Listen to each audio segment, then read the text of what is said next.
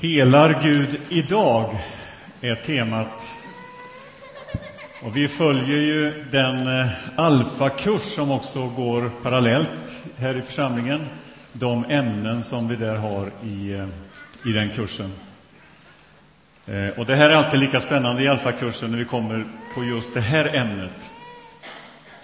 Jag skulle vilja att vi frös den här bilden som fanns här alldeles nyss med barnen, föräldrar som stod här framme.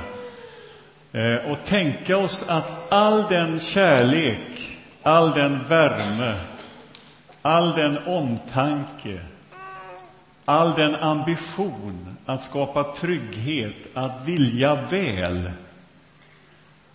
Så tänker Gud om oss människor. Att Gud vill vara med oss i det här livet. Gud vill hela våra sår. Leda oss när vi står där inför vägval, situationer. Och det är det vi säger också i barnvälsignelsen, att Gud vill vara med oss.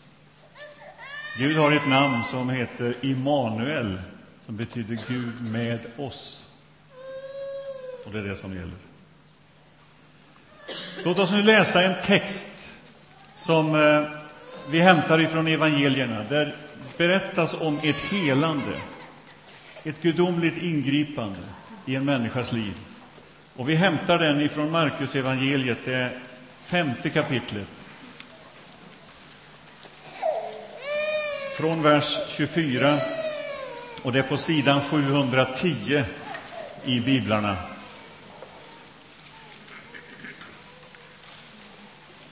Markus evangelium, det femte kapitlet. Och situationen är den att Jesus har blivit, eh, ska vi säga, han, en synagogsföreståndare har sökt upp Jesus för att eh, hjälpa honom i en besvärlig situation. Hans dotter var sjuk, väldigt illa däran. Och så är de på väg dit, Jesus och massa människor och lärjungarna och så kommer vi rakt in i den här berättelsen från vers 24. Mycket folk följde efter och trängde sig in på honom. Där fanns en kvinna som hade lidit av blödningar i tolv år. Hon hade varit hos många läkare och fått utstå mycket. Det hade kostat henne allt hon ägde, men ingenting hade hjälpt. Snarare hade hon blivit sämre. Hon hade hört vad som berättades om Jesus och nu kom hon bakifrån i hopen och rörde vid hans mantel. För hon tänkte att om hon bara fick röra vid hans kläder så skulle hon bli hjälpt. Och genast stannade blodflödet och hon kände i kroppen att hon var botad från sitt onda. När Jesus märkte att det hade gått ut kraft från honom vände han sig om i hopen och frågade Vem rörde vid mina kläder? Lärjungarna sa Du ser väl hur folk tränger på och ändå frågar du vem som har rört vid dig. Han såg sig omkring efter henne som hade gjort det. Kvinnan som visste vad som hade hänt med henne kom rädd och darrande fram och föll ner för honom och talade om hur det var. Jesus sa till henne, min dotter, din tro har hjälpt dig. Gå i frid. Du är botad från ditt onda. Den här kvinnan överlämnar sitt liv till Jesus, hela sin situation, hela sitt bekymmer. Och tänker, är det någon är det någon på den här jorden som kan hjälpa mig så är det Jesus. Och så går hon till honom och tänker i sitt inre, om jag bara får röra vid Jesus så kommer jag att bli frisk. Hon hade hört berättelserna, hon hade hört och kanske sett människor som hade blivit botade av Jesus. Och det är den berättelsen och den förväntan och den, vad ska vi säga, angelägenhet att få möta Jesus, få bli frisk från sitt onda. Det är det som driver henne fram, att röra vid honom. Sen står det i texten, hon närmar sig bakifrån. Och jag har tänkt på hennes situation. Hon ville vara anonym. Hon ville inte att det skulle märkas. Och kanske det är så för dig att utifrån din komplicerade situation får du komma och röra vid Jesus. Du får komma bakifrån.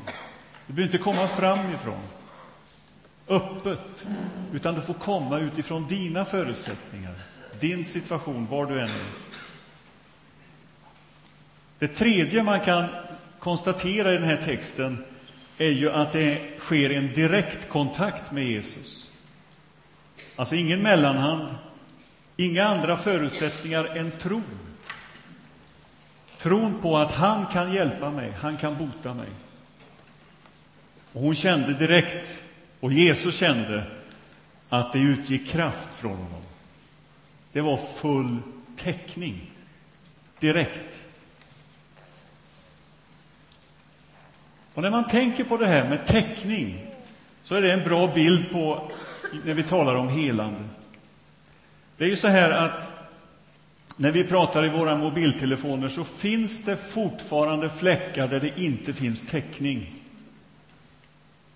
En sån plats är vår sommargård eller vår församlingsgård, Sjöatorp. Där, där finns ett, ett fönster man kan ställa sig vid och där finns kontakt. Men i övrigt är det svårt, åtminstone om man har det abonnemang jag har. Jag ska inte säga vilket. På båten ut till Donsö ibland så kan det vara problem också, men så är det ju ute i obygden. Eh, att man, det, var, det är svårt med täckningen. Det fungerar, men inte alltid. Det är inte alltid full täckning. Och det är precis det som är erfarenheten när vi ber för sjuka. Att det sker inte alltid. Men det hindrar oss inte från att fortsätta att be, att fortsätta att söka, att gång på gång be för sjuka och ha det som en naturlig del i en församlings liv. Jag har under många år varit med och bett för sjuka. Ibland har det skett helande, och jag skulle kunna berätta om många sådana. Men det är nog fler gånger som det inte har skett helande. Och ändå vill jag med tydlighet säga idag att jag tror på helande. Jag tror att Gud kan gripa in i våra liv. Att Gud kan öppna de stängda dörrarna fortfarande. Att han kan öppna där ingen tror att det går. Han kan lysa upp där mörker finns. Han kan förändra din situation från hopplöshet till hopp, precis som för den här kvinnan. Gud kan, Gud förmår. Det finns en författare som heter Paul Jansi han har skrivit ganska många böcker. En har jag refererat till som handlar om bön. Eh, och jag tror att det är den boken han talar om tunna platser. Och med, dem, med det uttrycket menar han där den naturliga världen möter den övernaturliga världen. Där de kommer varandra som allra närmast. Och det kan vara i en vid ett barns födelse, om vi refererar till barnvälsignelse igen, då kan man liksom ana, här är något gudomligt. Här är något stort. Det kan vara i en urgammal psalm som man sjunger eller som man läser. Ord som får hjärtat att vibrera på något sätt. Och man känner att platsen är tunn. Det är inte så stort glapp eller stort barriär mellan den här världen och den övernaturliga världen. Det kan handla om förlåtelse in i sitt liv. Det kan handla om upptäckt tro. Kanske i samband med vår förbönstund i gudstjänsten. Eller att du har varit framme här och tänt ljus och upplevt att här har jag mött Gud. Platsen har varit tunn. Det kan handla om profetiska ord, om drömmar. Låt mig få berätta igen, och jag har gjort det om Karim, vår afghanske broder som vi har fått kontakt med, och som vi har bett för här i församlingen flera gånger, som söker uppehållstillstånd. Och jag frågade honom, hur har du kommit på det här med Jesus? Därför att han skrev ett brev och bad oss att be för, till Jesus för honom. Och han sa precis som kvinnan i den här berättelsen, är det någon som kan hjälpa mig så är det Jesus. Var har du fått det ifrån? Jo, jag hade en dröm. En dröm om att Jesus kom till mig. Och så beskrev han den här drömmen. Och man skulle kunna säga platsen var tom. Den övernaturliga världen och den naturliga världen. Guds närvaro. Igår fick jag besked om att Karim utvisades igår kväll. Är på väg till Afghanistan igen. Han ringde från en mellanlandning i något Mellanösternland. Och jag tror inte att sista ordet är sagt när det gäller honom, utan vi får fortsätta att be för honom. När vi talar om helande och söker helande, låt oss då inte bara fokusera på det fysiska helandet. Eh, själv upplever jag och håller förhoppnings, förhoppningsvis på att helas hela tiden. Eh, någon gång när jag har skrivit att jag ska tala om helande, jag har gjort några gånger, så har det blivit fel i texten. Det har stått helnande. Och så får man gå tillbaka och ändra. Och så tänkte jag, det där ordet är inte så dumt. Om man tänker på att vi håller på att helna. Jag tror inte det ordet finns, men vi kan ju uppfinna det. Om man tänker i motsats till stelna, så är ju helna alldeles utmärkt. Att vi håller på att helna som människor. Det är en process. Och som kristen så är det en naturlig del i det kristna livet att vi håller på att växa och utvecklas och mogna och helna som människor. Att bli mer lik Jesus. Och det finns helande utifrån olika dimensioner. Det finns helande för dig som kämpar i din relation. Ni kanske sliter med ert äktenskap.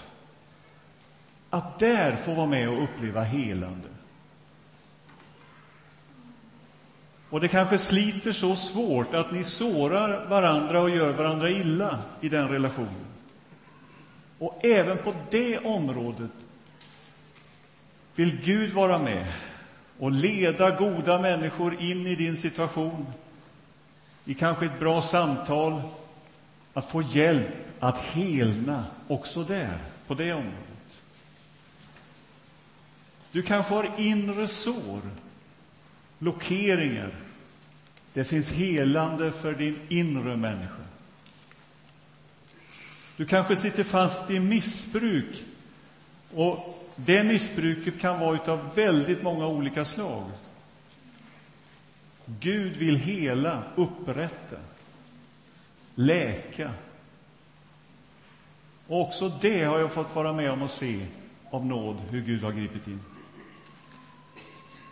Du kanske sitter fast i bitterhet, i besvikelser och behöver hjälp att komma ur det för att gå vidare i ditt liv.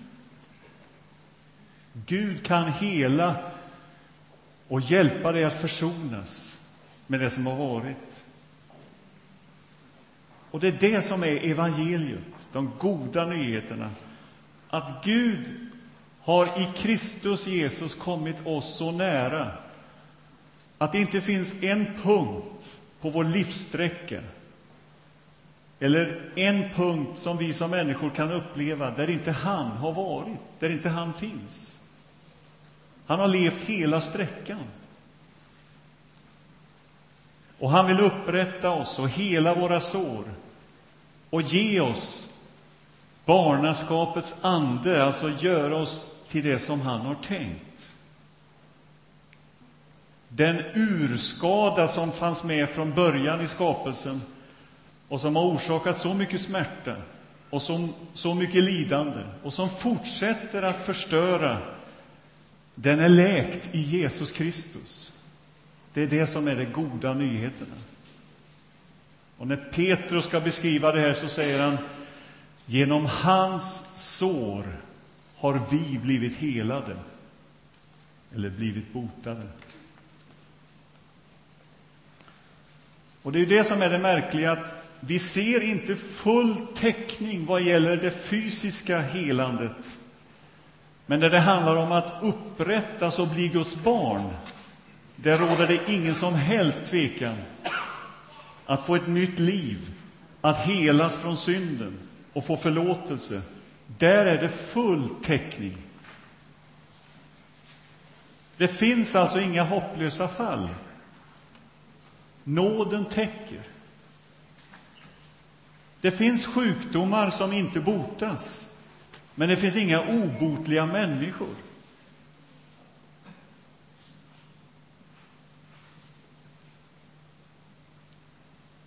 Och det är det vi ser, att det sker inte alltid det vi ber om. Men vi kan med full frimodighet säga, kom till Jesus. Du kan få bli hans barn upprättas som människa in i den relation som han har tänkt. Och det är ju faktiskt så att man kan vara fysiskt sjuk och ändå vara friskare än många andra. Och jag har mött många sådana människor där det fysiska sjukdomstillståndet faktiskt inneburit ett helande för andra runt omkring.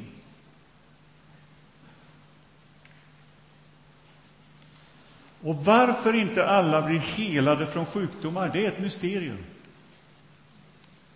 Men det betyder inte att du är mindre älskad av Gud. Och det är heller inget hinder för oss att här och nu, i den här gudstjänsten, söka helen och be för dig som är sjuk. Och vi får som kvinnan överlämna oss till honom. Han som kan göra under. Bibeln är fylld av berättelser av Gud som helar. I Andra Mosebok så berättas det om hur Gud lovar hälsa åt sitt folk. Och i Andra Mosebok 15 och 26 så står det Jag är Herren som botar dig. Eller Jag är Herren din läkare, stod det i den gamla översättningen. Det finns berättelser i Gamla testamentet som beskriver helande. Jag tänker på Elisa, profeten som fick bota Naman, en krigsherre från Aram, från fiendelandet. Och redskapet i den berättelsen är egentligen en ung flicka från Israel, som vi inte har något namn på. Hon fick förmedla kontakten och sa, får, får bara Naman träffa Elisa kommer han att bli frisk. Och han hade drabbats av lepra. Och hela hans liv var liksom en, en kastat i spillror på något sätt. Så kommer han till Elisa. Hon får uppmaningen att doppa sig i Jordan sju gånger. Han blir förnärmad, förbittrad och vill egentligen inte först. Men han får påstötningar från sina närmaste. Du kan åtminstone försöka när du ändå är här. Och det gör han. Han går och doppar sig i Jordan och han upplever helande. En fantastisk berättelse. När vi kommer in i Nya testamentet så är det fullt av berättelser om helande. Vi har läst en. Och låt oss få bara läsa en kort sammanfattning av hur Jesus och Jesu verksamhet i Matteus 9 och 35. Och det är på sidan 684.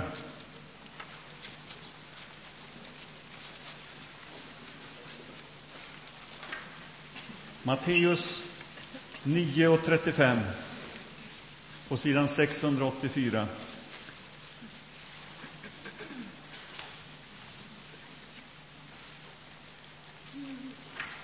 Jesus vandrade omkring i alla städerna och byarna och han undervisade i synagogorna, förkunnade budskapet om riket och botade alla slags sjukdomar och krämpor.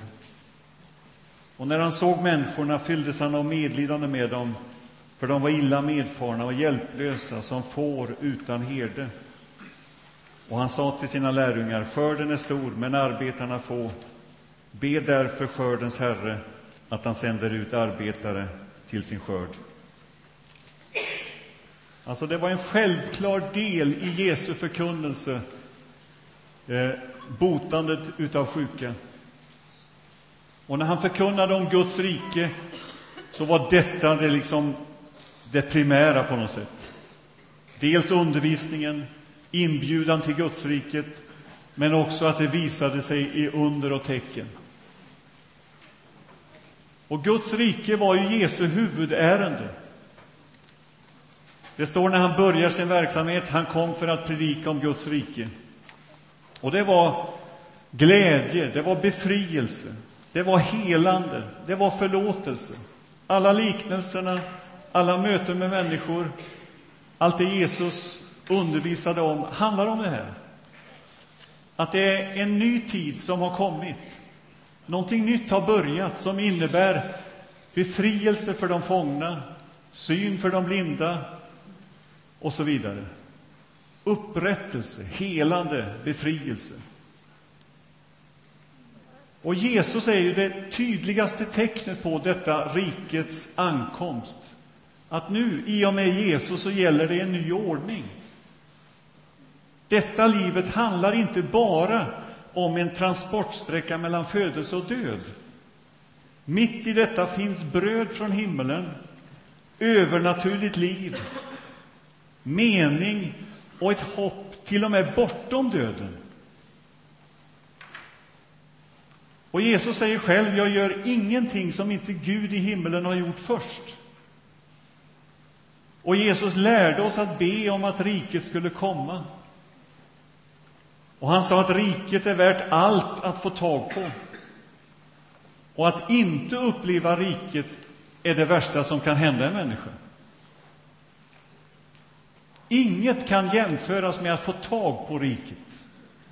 Att komma in i det, att leva i det.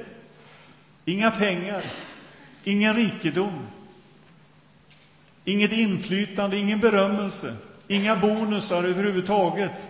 Ingenting kan jämföra sig med att få tag på Guds rike och leva i det. Och så uppmanar han de som fick tag på riket att berätta om det för andra människor. Och Jesus talar om riket som både någonting som är här och någonting som ska komma. En närvarande realitet och en kommande verklighet. Och den spänningen måste vi hantera. Både och. Inte antingen eller. Och det är just därför som vi upplever att det inte riktigt finns full täckning. Och därför beskriver Bibeln om att det kommer en dag när den stora festen ska hållas, då vi ska sitta till bords i Guds rike, som Jesus säger. Och då beskrivs det att inga tårar ska finnas, inget, ingen sjukdom, ingen lidande, ingen död, inget förtryck, inga orättvisor, ingen miljöförstöring. Jorden upprättas, en ny stad, ett nytt Jerusalem kommer ner från himlen. Och bildspråket är om en, en verklighet där Gudsriket är fullt ut utbyggt. Allt råder utifrån Guds rikets principer. Nu ser vi en del av riket, men inte allt. Och under tiden så står vi här tillsammans med hela skapelsen och vi står liksom på tå och väntar och ber. Låt ditt rike komma. Och låt ditt rike få fullt herravälde. Och vi ber att det ska komma mer och mer. Men redan nu upplever vi dess kvaliteter. Vi, vi upplever att hinnan är tunn mellan den naturliga världen och den övernaturliga. Och vi erbjuder så många vi kan att ta emot Guds rike. Och vi ber om helande. Vi erbjuder förlåtelse. Och vi säger till dig att det finns ingen plats, inget område där inte Gud kan nå dig. Gud är nära genom sin ande. Och det fantastiska är att vi varje dag får vara hans medarbetare i den här världen för att erbjuda förlåtelse, befrielse och helande in i de sammanhang där vi finns. Hur kommer jag in i Guds rike? Jo, genom tro, säger Jesus. Och den här kopplingen mellan tro och riket är väldigt tydlig. Och vi ser också ifrån berättelsen som vi läste att tro och helande på något sätt hör ihop. När Jesus såg deras tro, säger han om de här som hade gjort ett hål i golvet och förde ner den lame mannen. Han säger, din tro har hjälpt dig. Du är helad. Och det står också att han hindrades att utföra under därför att det fanns ingen tro. Och då är det viktigt att reda ut vad är tro för någonting. Och det finns ju de som anser att tron är som magi, att om man bara föreställer sig det man önskar så sker det. Det handlar om att tala och tänka som om det hade skett, till exempel när det gäller helande. Men Bibelns tro stavas tillit, förtröstan, överlåtelse. Och låt oss aldrig, aldrig anklaga någon för bristande tro när det gäller helande. Hur mycket tro hade Lazarus där han låg i sin grav? Egentligen. Utan vår uppgift är att komma med de här orden som Jesus sa. Min dotter, min son, Gud, din far, älskar dig fullt ut.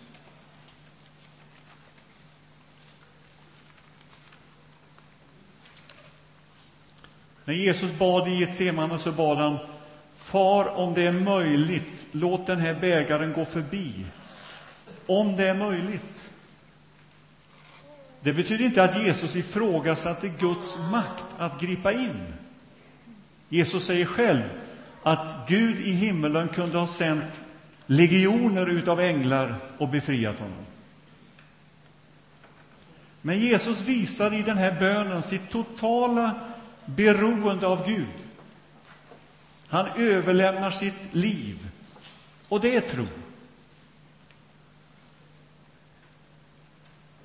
Och den kristna trons svar på resignation, det är överlåtelse. Alltså där vi inte ser något hopp. Då kommer vi till han. Är det någon som kan hjälpa mig så är det Jesus. Resignationen ser inget hopp. Det är helt stängt. Och överlåtelsen handlar om att lägga sitt liv i hans händer som är starkare, som har makten. Och det får vi göra. Det finns många berättelser om hur Gud helat och gripit in. Och jag drömmer om att församlingen ska få vara en sån läkande miljö där helande sker. Och det gör det. Men ännu mycket mer. Jag drömmer om att få se att det inte handlar om människor som står i fokus, utan om Jesus själv. Där vi ser honom, där han griper in. Att vi inte liksom har metoden, tekniken. Det är inte det det handlar om. Utan att Jesu närvaro är så stark, så tydlig, att helande sker. Och nu är vi här, samlade kring Jesus i den här gudstjänsten. Därför att där två eller tre är samlade, där är han mitt ibland oss. Det blir trångt, precis som det var för kvinnan. Hur ska vi komma fram? Och kanske du tänker så. Det är ingen idé. Med min situation, med mitt liv. Och kanske har du hört berättats om vad Jesus kan. Och du tänker, ja, men det är inget för mig. Men kom nu med den tro du har, de förutsättningar du har och rör dig fram till den plats där du vill. Här kommer att finnas vår böneplats, där förebedjare kommer att finnas. Vår ljusbärare, där du kan tända ljus. Du kan böja knä här eller stå här framme tillsammans med andra. Vi kommer att ha olika platser i kyrkan där du får ta emot nattvard. Och där du finns i rummet så kan du liksom sträcka ut din hand och röra vid Jesus där du finns. För så nära är han. Och låt mig få avslöja en hemlighet för er. Det finns väldigt många i den här församlingen och på andra platser också, män och kvinnor som är utrustade med små oljeflaskor. De har dem i sina fickor, som här, eller i sina handväskor. Så var inte för säker, de kanske plockar upp på spårvagnen en oljeflaska. Eh, vad är det för någonting? Jo, oljan är i Bibeln en symbol för Anden. Och det är också en symbol för helande, för läkedom. Och oljan användes flitigt när det gällde just läkedom på Bibelns tid. Och att smörja den sjuke med olja och be, det finns omnämnt i Bibeln också. Och det har praktiserats i kyrkan hela tiden, under hela dess historia. Och det kommer vi att göra här idag. Och du som önskar få förbön för sjukdom, eh, kom till den här förbönsplatsen här framme, där det finns människor som är utrustade med oljeflaskor. Och på vårt bord här framme finns en oljeflaska. Den ska ständigt stå där som en påminnelse om att vi tror på helande och vill praktisera det. Och hur gör vi då? Och vi tar lite olja på fingret, ritar ett kors i din panna eller på ditt huvud, lägger våra händer på dig och ber om helande för dig. Och så får vi tillsammans komma till Jesus, han som helar. Sök dig fram i mängden till Jesus. Vi kan inte hela, men Jesus kan. Vad du än gör, så säger Jesus till dig, min son, min dotter, jag står vid din sida. Jag ser din situation. Jag vill hjälpa dig. Jag vill hela dig. Och så får vi överlämna oss till honom, han som är vårt hopp. Så låt oss gå in i den här nattvardsstunden som vi nu ska ha, där vi får tillsammans söka Jesus Kristus till helande, till läkedom, till upprättelse.